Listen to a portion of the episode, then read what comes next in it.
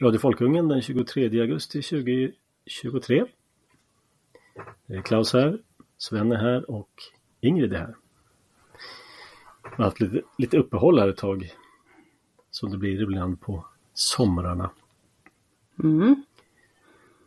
Tänkte vi ska göra som man brukar göra när man eh, kommer tillbaka till eh, skolan. Mitt sommarlov. Men innan dess så tänkte jag bara nämna att eh, bara som en liten tidsmarkör här så föll ett flygplan ur skyn här alldeles nyligen. Med Jevgenij Prigozjin, Wagnergruppens ledare. Satt han ombord alltså? Ja, det är fortfarande lite oklart. Det är inga bilder på kroppar än, men eh, De får vi nog aldrig se kanske. nej, kanske inte. Jag vet inte. Det var tydligen hela ledningen av Wagnergruppen som strök med. Så blir det när flygplan faller ur skyn handlöst utan vinge. Det är som en blandning mellan Nostradamus och Tintin det där. Ja, någonting sånt. Eh, jo, jag ska också säga det att eh, den 21 oktober så har vi vårat Folkunga Gille i Stockholm. En lördag.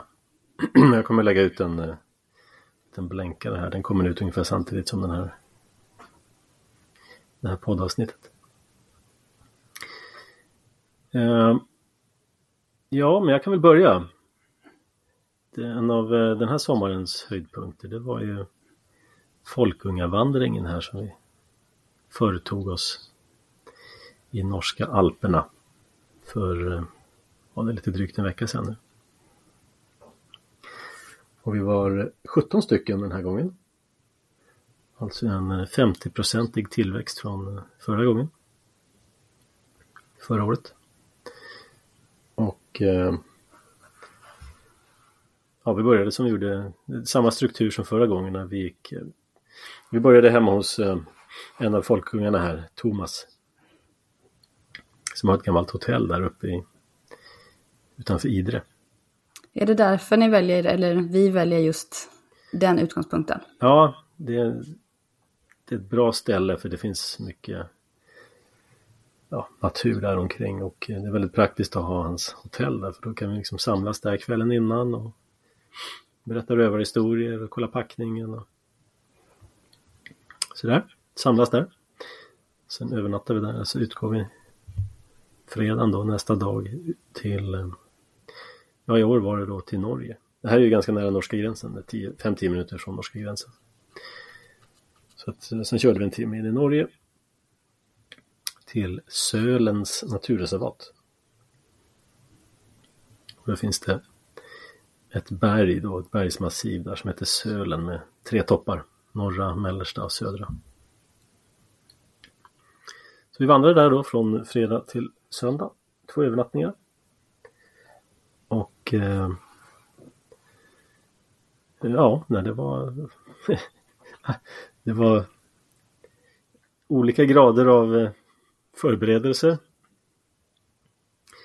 var några som hade väldigt mycket packning med sig. Eh, dubbla knivar och eh, extra sjukvårdsutrustning och regnrockar och grejer.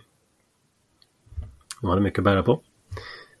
Sen var det någon som kom eh, i gymnastikskor och utan mat. Oj, Och sen så var det eh, de flesta andra hade väl lite mer, någonstans mitt emellan, lite lagom. Målet hur är alltid, mål, målet är att packa sig utan lite, mat? ja utan mat, alltså teoretiskt kan man ju klara sig utan mat i tre dagar om man bara dricker. Jo, Han hade jo, såna men... här eh, proteinkakor med sig. Men det Mhm. blir inte roligt om man säger så. Nej. Var start och mål på samma plats eller hade ni ordnat eh, någon transfer? Nej, det var ju så här att den här, eh, vi parkerade då vid naturreservatets, ett av naturreservatets ingångar så att säga. Och sen gick vi mot det här bergmassivet och så rundade vi det.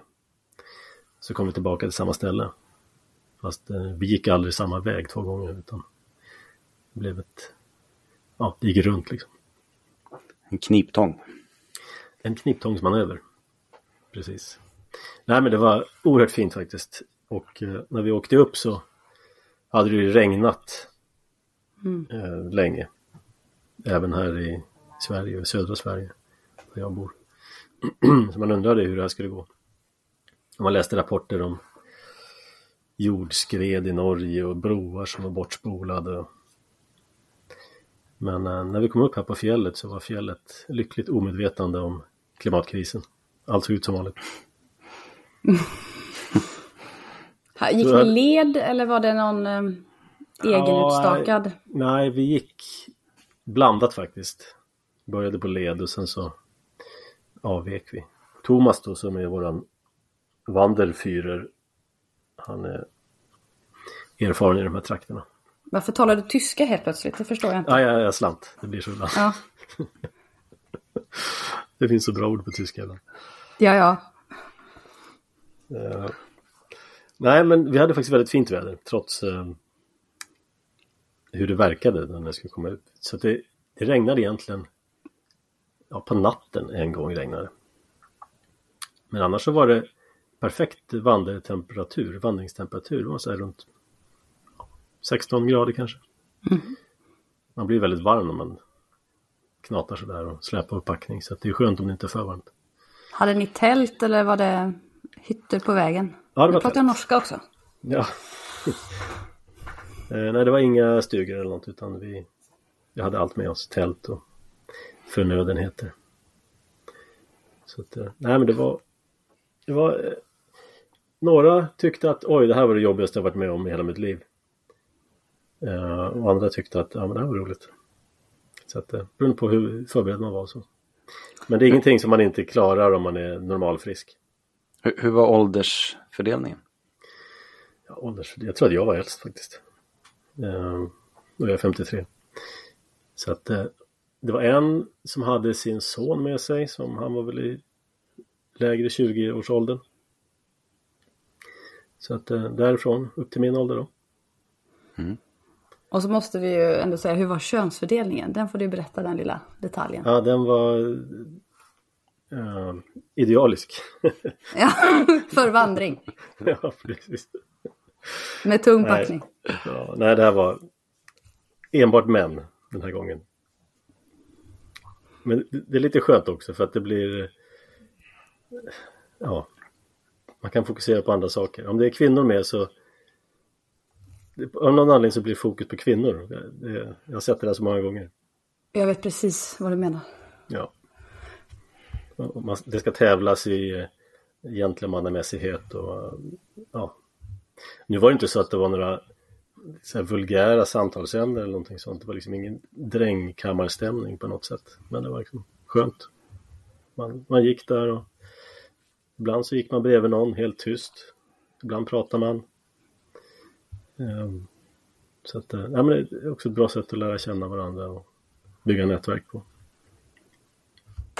Det går ju att utveckla det här inom folkungegemenskapen.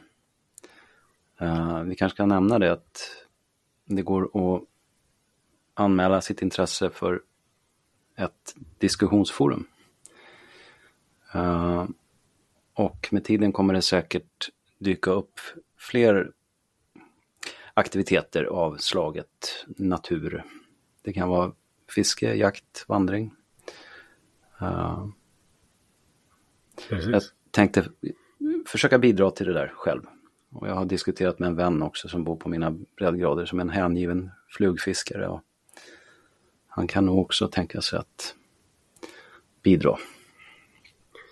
Ja, det här forumet är alldeles nyöppnat så att eh, vi ska slå ett slag för det också. Bra att du nämnde det. Om man går in på hemsidan så finns det en länk högst upp där det står forum. Den klickar man på och sen så läser man instruktionerna och sen så fyller man i ett ansökningsformulär. Och en av sakerna på det formuläret gäller att eh, ange två referenter. För att eh, det är inte ett öppet forum så vem som helst kan traska in utan vi vill ha folk vi känner och litar på. Så om man inte känner någon av oss kanske man känner någon som någon annan som redan är med. Då kan man komma in den vägen. Eller så får man höra av sig och sen så får vi ta ett samtal. och sen så släpper man in. Och det här är både för män och kvinnor. Mm. Du är inte med Ingrid eller? Nej, jag har inte hunnit. Ah, okej. Ja, men vi har, vi har bra kvinnor där också. Och här finns det då bland annat en, eh, en kategori för landskap. Så man kan gå in på sitt landskap där och så kan man hojta och så kan man se om det är någon som svarar. Ja, och så kan man ordna lokala saker, träffar och aktiviteter. Det är ju väldigt användbart. Mm. Just med lite lokal förankring på det sättet. Ja, det är många som har frågat efter det. Hur får man tag i sina lokala folkungar? Så nu har vi Mm. äntligen fått igång det här. Jag gjorde själv ett utrop här för sydöstra Sverige och tänkte dra igång lite träffar här nere också. Hur många medlemmar har vi än så länge? I forumet? Mm. Ja, vad kan det vara? Nu stängde jag ner allt här, men ett 30-tal är det väl? Ja, men då är det ju, då har det kommit igång. Men ändå en exklusiv grupp. Ja, precis. Det här är många av de som har varit på olika aktiviteter som direkt hittar in. Men... Ta gärna en titt där och gå in och ansök. Vi får se om jag blir insläppt då. Ja, du är ju en av dem som beslutar om insläpp. Så att spännande. Ja, nepotism på bästa sätt. Ja, ja ehm, det var det. Men det var i alla fall en väldigt trevlig eh, fjällvandring och eh, det blir naturligtvis av nästa år också. Och så hoppas vi dra igång ännu fler sådana här aktiviteter. För Ja, det var väl lite förslag på att bredda också om man vill ha olika vandringar. Ja, Om det är ett populärt koncept. precis. Thomas var, eh, vad vad heter det på svenska? Vandringsledare kanske ska säga så. på Ja. Svenska istället. Ja, han har redan föreslagit att vi ska köra en höstvandring också, så får vi se. Mm, trevligt. Det skulle jag vilja på fjället just på hösten. Jag har inte varit. Ja, precis. Yes, ja, eh, nu har jag orerat här. Vad har, vad har eh, Sven varit med om under sommaren? Jag har varit med om de strapatser det innebär att ha en hustru som har eh, fått ett allt större intresse för eh, gammalmodig prepping. Eh, kan vi kalla det för. Eh, det betyder i det här fallet att vi ska, vi ska bli med höns. Och då behöver hönsen bo någonstans så att jag har spenderat en hel del tid med att bygga oss ett hönshus. Ett litet hönshus visserligen. Vi ska börja med bara fyra höns och en tupp. Men... Ni ja, går det direkt på tupp alltså? Ja, det måste man väl ha tror jag. Jag är inte så... Jag ska villigt erkänna att jag är inte skolad i, i, i hönskunskap här. Eh, Alla har inte tupp? Är det så? Ja, nej, det är så jag har förstått det. Jag är ingen jättehönskännare men eh, alla har inte det. Blir, blir inte hönorna vilsna utan tupp? Om de är väldigt många så ver- verkar de bli det. Du menar att hönsen behöver ledarskap eller? som, på ett sjukhus då, ungefär i personalen. Ja, men det man absolut inte ska ha det är två tuppar. Det har jag snappat. För då blir det Ja, men- jobbigt. Ja, men det märkliga är att jag var och hälsade på en, eller jag var förbi en man i, i Nordmalings kommun och de hade flera tuppar och tupparna visste liksom vilka, varje tupp visste eh, vilka hönor som var hans. Men var de kanske uppväxta tillsammans? Nu spekulerar jag. Det kommer finnas jättemånga duktiga tuppkännare här ute bland våra lyssnare. Men jag tror de växte upp tillsammans så är det lättare. ja, ja, ja, så kanske det. det. Det kan jag i och för sig tänka. Men hönshus i alla fall. Det är ett litet hönshus. Eh, Hur stort är det? Ett litet hönshus? Ja, det är bara invändigt så är det inte, inte ens två gånger två meter. Nu kanske jag avslöjar att jag inte följer Jordbruksverkets krav här på något sätt, eh, men den risken får jag ta. Eh, De har ju tillgång till fri utegång också. Ja, och där har vi valt att köpa. eh, Vi har ju jakthund, så vi köpte för några år sedan eh, hundgårdsstängsel.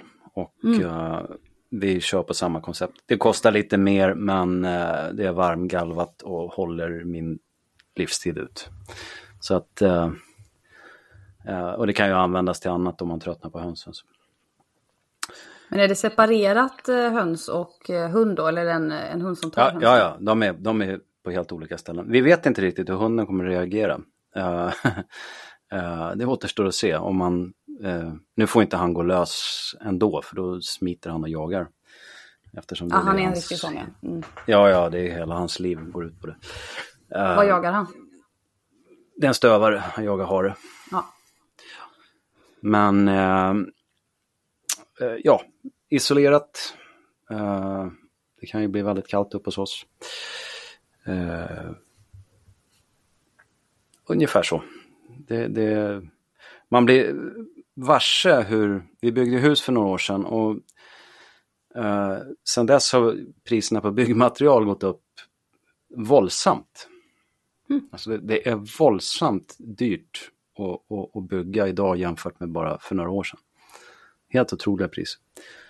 Eh, så att man tycker att det är, det är bara ett hönshus, men det, det blir rätt dyrt. Alltså. Eh, men trevligt litet projekt. När kommer hönsen? Eh, igår om du frågar min hustru. Tidsoptimisten. Ja, det kanske är två veckor bort nu. Något sånt. Ni räknar Jag- inte med att de ska lägga någonting under vintern va? För då brukar de ju... Ingen aning. Eh, Jag, får, jag har en kollega på jobbet som har rackarns massa höns. Så jag får fråga han hur de brukar bete sig vintertid. Det jag är mest orolig för det är ju att få trassel med uh, rovdjur. Så vi, har ju, vi har ju liksom allt in på knuten. Både räv och mård, mård och hök. Ja, det där måste du, du måste gräva så att de inte kommer in. Alltså. Gräva ner ordentligt. Precis, det är just den biten som jag inte riktigt har löst än hur jag ska göra. Gräva ner armeringsnät eller någonting, 30 centimeter eller så. Vi har ju övervakningskameror med, jag funderar på att helt enkelt ta en av dem och sätta ner i hönshuset. ja, det kanske också funkar. Vi har i närmsta familjen här en eh, hästgård där de också har höns. Och där brukar tuppen jaga bort vissa av inkräktarna på riktigt alltså. Det har varit falkar och grejer på dem och den jagar han bort. Ja, de, de, de är ju tuffa men, men eh, ja. Får göra som sån här tuppfäktning, sätt rakblad på benen på tuppen så kan man försvara. Ja, jag, jag har, eh, min, min dotter hade för ett antal år sedan en, ja, en den första pojkvännen kan vi säga. Uh, och uh, de var hemma hos honom och då tittade de ut genom fönstret. Han bodde på landsbygden. Tittade de ut genom fönstret och precis då så hoppar en räv ut ur grannens hönshus med en höna i truten. och, och, och, och la iväg över fälten. Och tro mig, det ser dråpligt ut. Alltså det, det, det... Rävar är... Ja, rävar kan vara ett problem. Kan, det- kan det vara så att din fru blev inspirerad av eh, Folkungatinget vi hade där Marie sa att om man bor på landet så måste man ha höns. Ja, hon uppskattade den eh, genomgången så att eh, eh, jag vet inte huruvida hon, om det var det som fällde avgörandet, men, men eh, det här har väl varit på gång en längre tid kan man säga. Så att, eh, Ja, Men det är kul. jätteroligt. Jag har i alla fall en bok om höns. Så jag ska, jag ska kolla vad det står om tupp där. Gör så och så rapportera åter. vi har ju haft Alltså, man, man, behöver, man behöver bara tuppa om de ska bli man ska vara självförsörjande på förökning. Annars så tror jag äggen kommer ju ändå liksom. Ja det gör de. Ja, vi, har haft, vi har haft bin tidigare och men de vill inte riktigt överleva längre hos oss. Det, vi klarar oss utan de här sjukdom, sjukdomen som finns, varroa. Men sen den kom till våra trakter så ja, det verkar helt hopplöst att få dem att överleva. Så att nu blir det höns istället. Ja just det, jag måste behandla mina bin mot det här också. Har ja, du, du bin? vill, Har Klaus bin? Jag har bin. Jaha, trevligt, trevligt. Men det är, inte, det är inte så lätt som man tror. Det finns Det- på den här hästgården i familjen också faktiskt. Väldigt trevligt. Nej, man ska inte underskatta det här med eh, jordbruk och djurhållning. Alltså det är inte det är inget för dumskallar om man säger så. Oh nej. Här måste vi också diskutera den eng engelska termen homesteading. Vad heter det på svenska? Självhushållning är det? Då? Är det det man säger? Ja, det kan man nog säga tror jag. Det är ju växande. Ja. Och intresset för det. Och inte bara sådana här som får det som plötslig hobby utan faktiskt som en livsstil då. Mm. Alltså det är något speciellt att gå ut i trädgården och hämta maten och så äter man den mm. direkt, från, direkt från landet. Och sen är det ju så att man vet aldrig framtiden. Vi ska ju inte äga någonting, vi ska ju bara vara lyckliga. Eh, och då kan det bli svårt att få tag i mat. Mm. Det, faktiskt bli så. det är som en försäkring, man hoppas inte behöva använda den men eh, man gör det för att en vacker dag kan man behöva det. Och då, då är det så dags att ta fram en bok och lära sig hur man gör. Mm. Eh, men det är inte så lätt. Du måste ju det sitter ju i fingrarna det här och erfarenhet och dessutom måste du lära känna din egen jord och mm, mm. marken där, sol och fuktförhållanden. Alltså det, det, är mycket. Mycket som du inte ens kan läsa det till utan du bara måste testa på din egen, på din egen mark. Jag hörde en intressant eh, eh man säga, observation av en kvinna från något sånt här, eh, eh, ni vet lite amish-liknande eh, samhälle i USA någonstans. Och hon beskrev det att nu sitter man på YouTube och försöker lära sig de olika sakerna. Och inte konstigt att man blir eh, översköljd av olika sätt och saker som inte alls funkar för det är din, som du nämner, din eh, miljö och sådär. I ett naturligt samhälle hade man lärt sig det av sin faster som bor på granngården. Hade varit lite annorlunda. Mm. Mm. Sen, sen, är det ju så att man måste lära sig att göra saker på ett, på ett effektivt och rationellt sätt. Alltså, uh, det handlar inte bara om att lära sig ja, handgreppen eller hur, hur ska man göra någonting utan man måste lära sig att göra det rimligt fort därför att många av de här metoderna de, de är beroende av det. De, de, de fungerar helt enkelt inte om man är alldeles för valhänt och, och sövlig och, och, och, och uh, ja, och inte kan arbeta liksom. Uh, hårt. uh, och, vilket ju gör att, att eh, även om man har facit på hur någonting ska gå till så är det helt enkelt inte säkert att, att en människa förmår och, och, och klara av det så att säga. Det, det...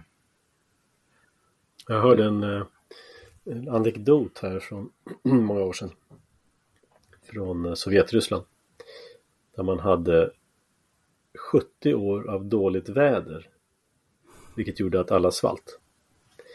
Eh, men man fick tydligen ha en liten jordplätt privat på 10 kvadrat eller någonting sånt. Eh, och den gjorde att folk överlevde. Mm. Man kunde odla kål och ja, vad man nu odlar som är eh, extremt effektivt. Så att eh, historien är inte färdigskriven. Det kan hända även här. Så är det absolut.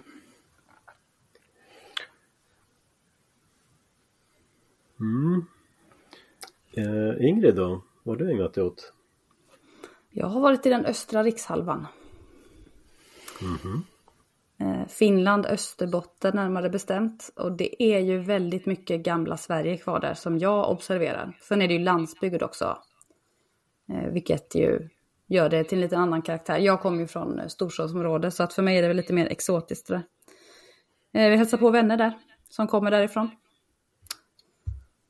Nu pratar vi norra Finland då. Eh, ja, Österbotten. Ja, det är det är inte norra Finland i Finland. Det, men det är inte södra Finland. Det är mitt på ungefär. Rakt över Umeå ligger det. Mm. Det var ju där klubbekrigen startade också. I Österbotten. Berätta. Om, om klubbekrigen? Mm. Och jag är inte så jättebra på den historien men det är väl ett uppror med bönderna mot eh, ståthållaren på Åbo slott tror jag. Kan du den här? Eh? Jag tror det är så. Men det är i alla fall ett eh, härdigt folk i Österbotten som har överlevt utan mycket inblandning. Det påminner lite om som jag romantiserar Dalarna i alla fall. Just att eh, man klarar sig själv mycket. Eh, och fortfarande så har de ju starka traditioner av att man hjälps åt, det är mycket föreningsliv. Det finns en stor kultur av sommarteater som helt drivs av ideella krafter fortfarande. Och det är liksom i var och varannan by. Det, här. Det, det är inte tättbefolkat. Men ändå så finns det, ja, nästan överallt. Amatörteatrar som drivs runt på sommaren. Både all rekvisita, allt maskineri, skådespeleri. De brukar ha professionella regissörer och så. Ehm, det låter det... som det är väldigt mycket EU-bidrag här då. Det går inte, det går inte att ha kultur utan bidrag. Eh, jag noterade faktiskt i programbladet att det var lite bidrag från någon kommun. Eh, men inte särskilt mycket som det ser ut. Det är inte några betalda skådespelare i alla fall. Ja, det är fantastiskt. Mm. Barnteater också. Pratar de svenska där? Det är bara svenska. Det är bara svenska. Det är ju det. Det finns lite finsktalande socknar, men inte majoriteten är svensktalande. Mm. Hur är det att vara svensktalande i Finland idag? Är det inte en lite ansatt... Eh... Jo, men inte i Österbotten, för det har alltid varit så svenskt. Ah, okay. Men i totala Finland så är det absolut det. Och det är ju lite som de gamla härskarna man nu eh, har tagit över efter. Så det har ju alltid varit en gammal överklass på det sättet. Mm. Men återigen, inte i Österbotten, för där har alla varit bönder. Mer eller mindre. Jag har egentligen inga finska rötter själv, men eh, haft många bekanta därifrån. Hur är det nu? Svenska är ju... Jag minns när jag växte upp så kunde man i skolan i Finland välja mellan svenska och engelska som främmande språk. Jag tror inte de har valt, eh, fått välja det någon gång. Jag tror alltid man fått lära sig lite svenska, men sen att det fortsättningen är valfri. Tror det är så. Så kanske Jag kommer ihåg jag såg på en film i Finland. Då var det textat både på finska och svenska. Det var liksom fyra rader med text. På oh, gud vad jobbigt. Men de har ju alltid så i Finland att det språket som är i majoritet har de vägskyltarna på högst upp. Så det är sådär på vissa orter där det är 50-50 så får de byta hela tiden. Ja, ja. Och de mäter det där också. Och I just Österbotten så finns det ju de mest svensktalande kommunerna i världen. Beroende på vad som har hänt i Sverige. Ja, det där var vemodigt, usch. Ja. De mäter det också på ett annat sätt. Vi har ju inte sån liksom, modersmålsmätning på det sättet. Men det har de ju där, tradition. Mm. Svenska språket i Finland är, är väldigt intressant om man eh, eh, lyssnar på olika dialekter. Det finns, eh, jag såg någon film, det handlar om kustfiskare i, jag skulle tro att det blir i sydvästra Finland, svenskspråkiga. Eh, deras dialekt lät för mig väldigt nära gotländska. Mm. Uh, vilket är, och då, då har jag en, en kollega som är uppvuxen i Roslagen. Och han brukar uh, berätta om en ö, kan det vara så att den heter Gräsö? Det är uppe i Roslagen. Uh, det spelar ingen roll vad den heter, men de har en väldigt särpräglad dialekt. Och den har också lite drag av det här gotländska. Det får mig att tro att det fanns en, en, en vad ska jag säga, båtfarande dialekt. Eh, som, det var ju vattenvägarna som var transportvägarna eh, och de som kunde fara mest runt på, på eh, eh Ålands hav och Bottenhavet. Eh, det var ju naturligtvis de som bodde vid kusten. Eh, och att man därför har vissa drag. Det här är ju bara gissningar, men, men eh, det är intressant i alla fall. Och sen eh, Umeå eh, tvärs över, ja, Vasa ligger ju där. Heter ju, ja, eh, precis. ja. Och eh, då kan det vara bra för lyssnarna att veta som inte är skolade i den norrländska geografin att från de yttersta öarna i Umeå skärgård till de yttersta öarna i Vasa skärgård så är det inte mer än fem landmil ungefär. Mm. Så att uh, det, är, det, det, är mycket närmare än man tror, både kulturellt och geografiskt. Eh, det med dialekterna, de, de lär sig också hög svenska. Eh, och dialekterna är ju väldigt mycket mer som du beskriver där, det som du eh, säger som gotländska, det är diftongerna ofta. Man tänker på. Mm. Alltså en kombination kan, av två vokaler. Jag måste rekommendera en, ett sommarprat från Sveb-TV av en finlandssvenska. Eh, och det är så de ska kallas. De vill inte bli kallade något annat. Och hon beskriver det där på ett ypperligt sätt. Nu kommer jag inte ihåg vad hon hette, men det var hon som blev... eh, Linda någonting. Tror jag. Ja, just det. Hon blev karaktärsmördad av eh, massmedia i vaccinationssammanhang. Utmålad som alltifrån antisemit till, ja, vad det nu var, konspirationsteoretiker och bla bla. bla. Jag måste säga att det var en väldigt, eh, väldigt vettig kvinna med tanke på att hon är konspirationsteoretiker. Eh, så det är väl värt att lyssna på. Ja, hon hade många fina poänger om att eh, till exempel att barn ska tas om hand om någon som älskar dem. En sån Ja. kontroversiell sak att säga. Mm. Det låter väldigt högerextremt. Ja, ja, ja, alltså när jag säger det blir jag utmålad som, jag vet inte vad. Nej, hon var ju exp- expo-material, helt klart. Ja. det, det, Jag tror hon var från Jakobstad, va? jag kommer inte ihåg. Det är också, det är väldigt nära allting där i Österbotten. Men hon bor alltså i Sverige nu och stod inför svensk domstol då. Nej, tror- nej hon bor i Jakobstad. Tror jag det. Ja. Jaha, men det var inte hon som var i... Som hade blivit svartmålad av SVT och var i rätten för det eller? Det var en annan. Jo, det tror Jo, jag. det var. Jo, det var men hon, hon... Ja, jo, men hon, är, hon bor där. Men hon... Ja. Vi ska inte fördjupa oss i hennes eh, rättsliga saker kanske. Ja, Jag bara funderar på kopplingen till Sverige då men... Hon kanske har flyttat. Nej, men jag tror hon har blivit uppmärksammad bara för den här... eh, För hon var väl redan innan coronavaccinet va? Hon har väl haft andra vaccintankar. Hon heter i alla fall Linda Karlström. Ja. Ja, jag får helt enkelt lyssna. Ja. Men har vi, har eh, vi tipsat om ditt sommarprat Klaus då? Eh, Jag vet inte. Men eh, jag pratade ju också där så att... eh, Får man gärna lyssna på om man vill. Finns lite att lyssna kapp på där om man inte har hört. En Himla blandning. Trevligt. Jag kan ju inte gärna rekommendera mitt eget prat. Du kan nämna att du har varit där. Det får någon annan göra i så fall. Okej, jag rekommenderar att lyssna på det då. Ja, nej, men jag, försökte sammanfatta min syn på saker och ting. Och hur mina idéer och tankar har utvecklats under livet. Så att det finns säkert något att plocka upp där. Jag tycker alltid det är spännande med folks, eh, som jag kallar det lite raljant då, radikaliseringsprocesser. Just det. Så det får man Ja, höra det- om din där. Och, om man tänker och samtidigt betraktar omgivningen, hur ska man kunna utvecklas på något annat sätt än det, på det sätt vi har gjort? Men så tänker nog vi som sitter här. Men vi är ju fortfarande minoritet. Jag tror det är lite fler eh, parametrar faktiskt som spelar in. Jo, men det är det naturligtvis. Ja, men jag tror att nyckeln är det här som Sven sa, att man tänker. Ehm, och eh, funderar. Hur har saker och ting kunnat bli så här? Och, eh, det, det är en, ja, en nyckelparameter här. Tänkandet, kritiska tänkandet. Att kunna tänka själv. Tänka själv är viktigt. Utanför det sätt som man har fått lära sig att tänka. Det så kallade kritiska tänkandet som skolan bjuder på, det är ju inte riktigt det jag menar, utan på riktigt tänka själv.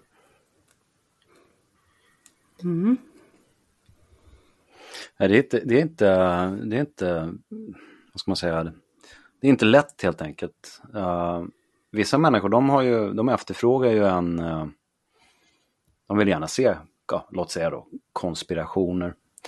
Eh, eller eh, när de betraktar staten så ser de tillkortakommanden hos staten och hur staten vill ingripa i våra liv och, och så letar de efter väldigt långsökta eh, sådana beteenden från staten. Då. Och så, så tänker de överhuvudtaget inte på det, det jag skrev på Folkungen eh, häromveckan. Eh, att man måste betala statens skatt för att få ynnesten att äta mat så att man kan överleva. Eh, eftersom livsmedel är momsbelagt. Då. Du måste betala staten för att få ditt dagliga bröd.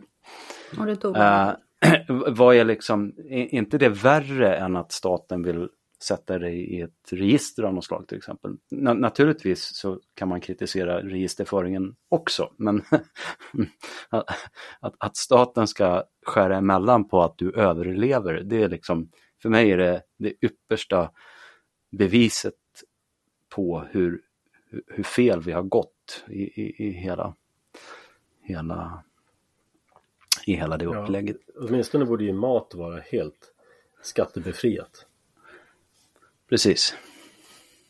Och sen om man nu ska lägga skatt på saker, men lägg då skatt på mindre nödvändiga saker. Nu är jag inte förespråkare av skatt i någon form, men om man nu skulle göra det så hade det varit rimligt. Men, men, men det är svårt, det, här, det, här, det man är tillvänd med liksom från, från, från start, det är väldigt svårt att komma till en punkt när man kan ifrågasätta det på något slags rimligt och eftertänksamt sätt och inte bara, inte bara på ett effektsökande radikalt sätt utan att verkligen fundera liksom. Det, det är inte lätt. Det, det, finns massa hinder, sociala hinder inte minst.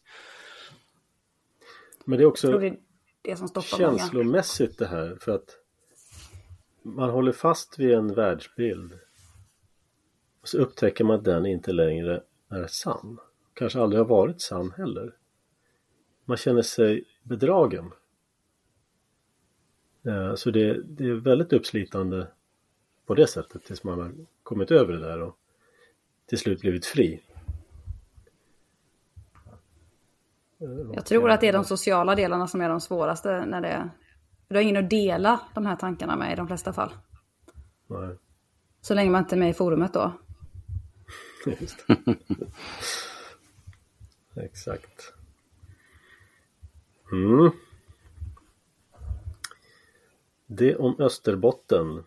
På tal om ditt hönshus så byggde jag ett växthus här också i, under sommaren. Nu kommer det igång lite sent men man märker vilken skillnad det är på hur det växer där inne jämfört med på friland utanför. Vad har du där idag? Ja, nu blev det gurkor och paprika och mm. lite sådana grejer. Det som han stoppas in. Ja. Men jag såg du Sven hade väl också ett växthus, det någon tunnel eller någonting? Ja, vi har en växt, växttunnel brukar man väl kalla det, men det är bara det är ett växthus. Mm. Helt, helt enkelt. Det är för övrigt en, eh, en rysk modell. oj, oj, oj. ja. uh, nej, men de har väldigt mycket uh, så billiga lösningar på det odlas, det hobbyodlas eller hushållsodlas väldigt, väldigt mycket i Ryssland. Och de är duktiga på det. Och uh, då finns det företag i, i, i, som, i länder som står oss närmare då som har importerat eh, uh, sådana här uh, växttunnlar och så säljer de dem under uh, sitt eget namn då, men de är tillverkade i Ryssland. Det, det du behöver alltså inte smuggla in det? Nej, men det, jag, jag, kan komma med lite konsumentupplysning. Om någon är intresserad eh, och börjar googla på det här och funderar på att köpa sätt så eh, jag kan säga att vi har inga bra erfarenheter av företaget Dan Cover. Eh, det var de som levererade det här så att eh, modellen är det inget fel på men det företaget det kommer vi aldrig handla av igen. Oj då. Ja. Ja, de slarvade bort på vägen, det var väl i och för sig speditörens fel, men något, det var så illa emballerat så att hela paketet med alla skruv och alla små grejer det, det rann, rann ut någonstans och så försvann hälften. Och då fick vi, var vi tvungna att inventera, ni kan ju tänka er, vi pratar ju alltså hundratals små jävla pinaler. Så var vi tvungna att inventera det och meddela exakt vad som saknades och man fick bara en chans. Så när de skickade det som saknades sen och man skulle upptäcka sen efterhand att det var något mer som saknades, då, nej, det var inte deras ansvar. Idiot. Du gör ju så här, de enda skruvar jag har det är skruv nummer 17 och 24. Allt annat saknas. Så skulle jag ha gjort. Jag har lärt mig nu. Ja, ibland ska man inte vara för ärlig. Så är det. Det är typiskt svenskt. Liksom. Ja. Men man kan ju säga så här om växthus. Det, är, eh, det gör jättestor skillnad. Och även de här billiga lösningarna gör jättestor skillnad. Det man ska tänka på det är snö om man bor i den delen av Sverige där det kommer snö. Så att man skaffar sig någonting som inte måste skottas efter 5 cm snö, för då blir det inte roligt. Uh, Nej. Bra tänkt. Jag tänkte vi ska ta någon liten uh, nyhet, eller nyhet, en faktoid. Eh, Kina, födelsetal. Kina är ett bra studium i födelsetal. Du hade några siffror Sven som jag, som jag såg. Mm, jag har återigen fångat upp från ypperliga kinamedia.se.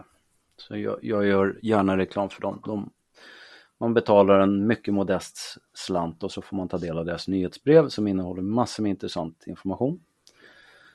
Eh, de är klart och tydligt kritiska mot den kinesiska regimen så att man behöver inte oroa sig för att stödja någon eh, typ av kinesiska kommunister eller så.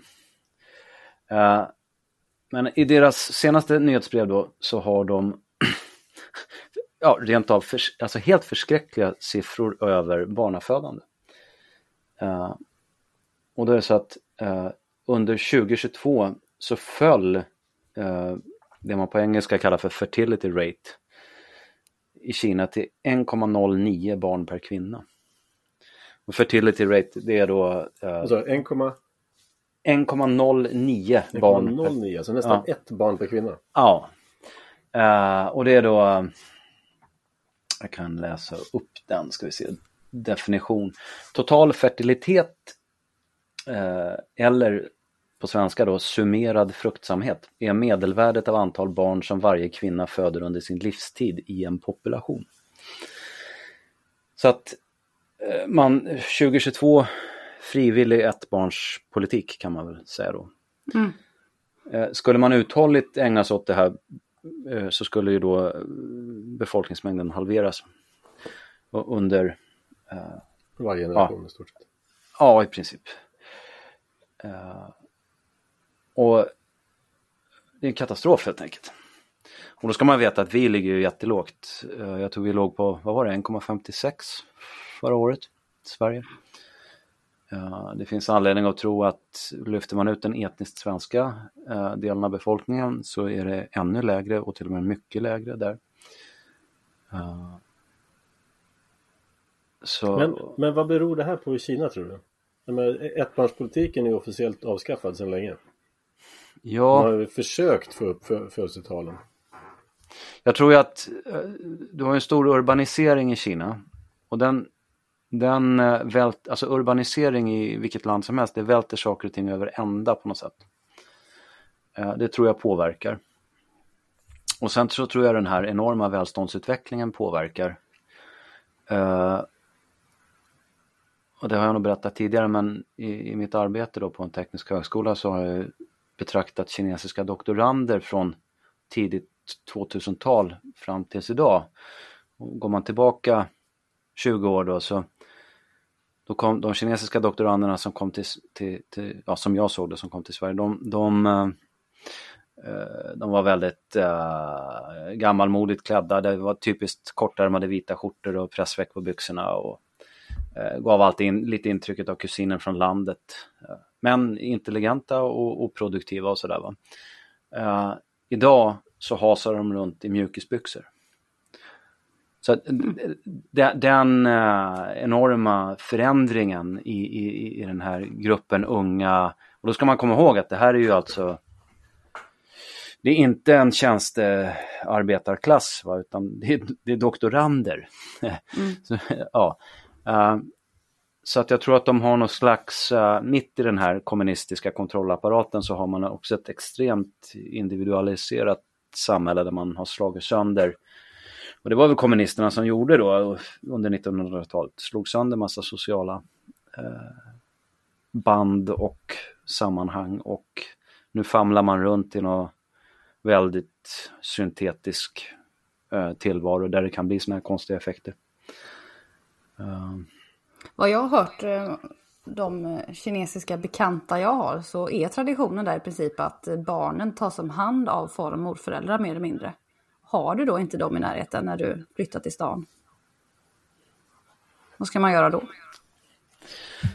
Ja, men samtidigt, jag tror nog att det finns eh, dagis till exempel i Kina. Det, har ju varit, det var ju några år sedan, då var det en rackarns massa sådana kniv, konstiga knivöverfall i Kina där dårar gav sig på specifikt barn. Och, Okej. och det var då jag lärde mig att eh, det finns tydligen dagis i, i Kina. Sen hur, hur utbyggt det är, det, det låter jag vara osagt, det vet jag inte alls. Men det är inte ett okänt fenomen i alla fall. Eh, Men alltså det här med dagis är ju ett knep som har lanserats av Myrdalarna i Sverige på 30-talet som receptet mot eh, fallande födelsetal. Ja, Men jag är rätt skeptisk till hur effektivt det är. Nej, det, det, det, det, fallande födslotal. Ja, Ja, nej, nej, men det finns ju, man, man säger ju i Sverige att ja, men vi har högre födelsetal än vissa andra europeiska länder därför att vi har, som det då heter, bättre utbyggd barnomsorg. Det där är ju bara skitsnack och det, det, det, det är ett så jävla bedrägligt eh, påstående därför att tittar man på USA så har de ju inte alls den offentligt eh, finansierade barnomsorgen som, som, som vi har. Men de har högre födelsetal än vi och har haft det hela tiden. Så att det, man kan liksom hitta de här, man säger, ja, högersamhällena som har högre födelsetal än Sverige och har ett materiellt välstånd. Så att existensbeviset finns liksom där att det går att ordna samhället på ett annat sätt med högre, alltså med, med ett friare, mer höger sätt än Sverige och ändå ha högre födelsetal än vad vi har. Så att, uh, ja, jag- tror att ja, Ungern till exempel driver en helt annan familjepolitik. De börjar ju vända, vända sina födelsetal nu. Även Ryssland som har också dåliga födelsetal håller på att vända den trenden. Så att du kan, du kan ge vissa ekonomiska incitament. I Ungern ger man väldigt kraftiga ekonomiska incitament. Men en kvinna som har fött, vad är det, tre barn. Hon behöver aldrig i sitt liv betala skatt till exempel. Mm. Fyra tror jag det men absolut. Ja, fyra. Ja, ännu bättre. Eh, barnfamiljer får skattelättnader och räntebidrag och alla möjliga grejer. Va? Men det som jag tror är ännu viktigare kanske det är en kultur av att barn är önskvärda, nödvändiga Mm. Och att man uppmuntrar från officiellt eller offentligt håll till barnafödande. I Sverige är man ju klimatbov om man skaffar barn till exempel. Och, Och, eh, eh, pensionsförstörare också va? Det är en sån jag tycker jag har blivit skrämd med i 15 års tid. Var inte borta för länge från arbetsmarknaden, då förlorade du Ja, din du missar pension. pensionspoäng ja, precis. du kan ta dina pensionspoäng sen när du är 65 och se vad du får för dem. Ja, ja men exakt. Men Mm. framförallt, men framförallt så kan vi ju byta ut svenska barn mot eritreaner. Ja, ja. Men det här är ju ett tema som jag återkommer till i de texter jag skriver för Folkungen, att eh, det är ju, som det du säger Klaus, eh, de sociala sammanhangen eh, och kulturen omkring det som inte finns där.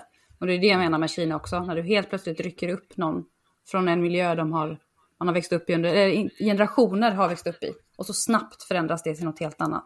Vad ska du göra? Jag tror också att eh, man i Kina har Jag tror att asiatisk kultur är väldigt materialistisk.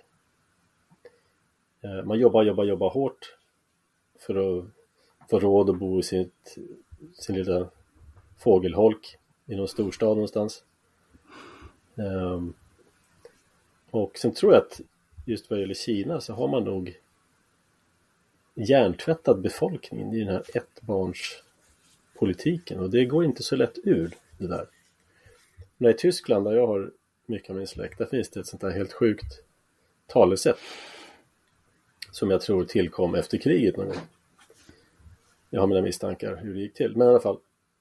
Där, där säger man så här att om du har fler än ett barn så är du antingen asocial, det vill säga mentalt efterbliven, eller um, beamter, alltså tjänsteman på någon myndighet.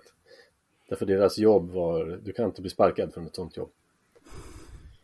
Men alla andra borde ju rimligen ha ett barn. Om du inte är asocial eller statstjänsteman. För att det blir för jobbigt då med fler.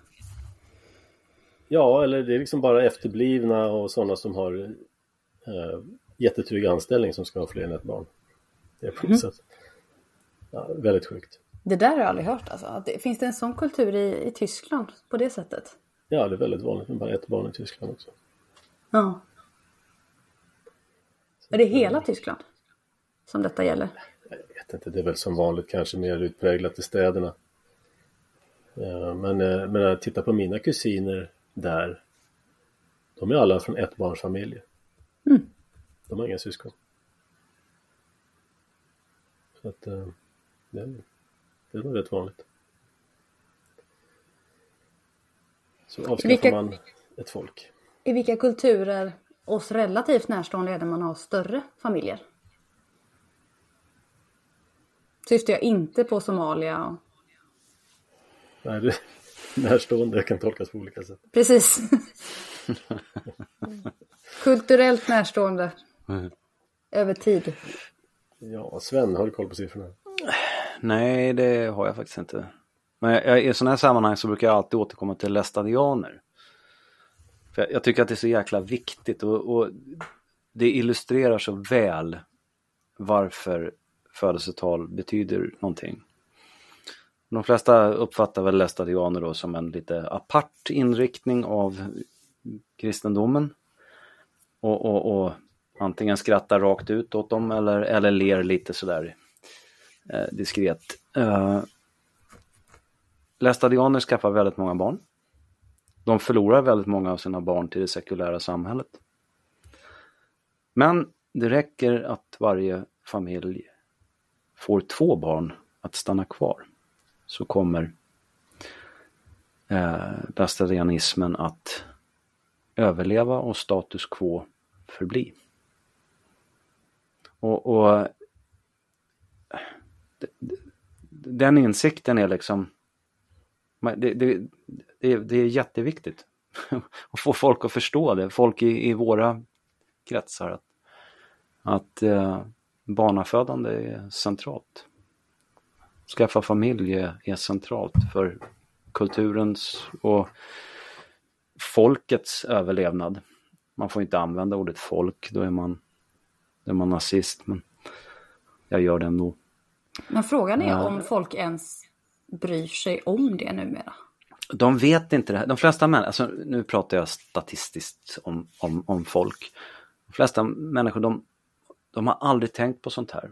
De har aldrig fått höra sånt här i skolan.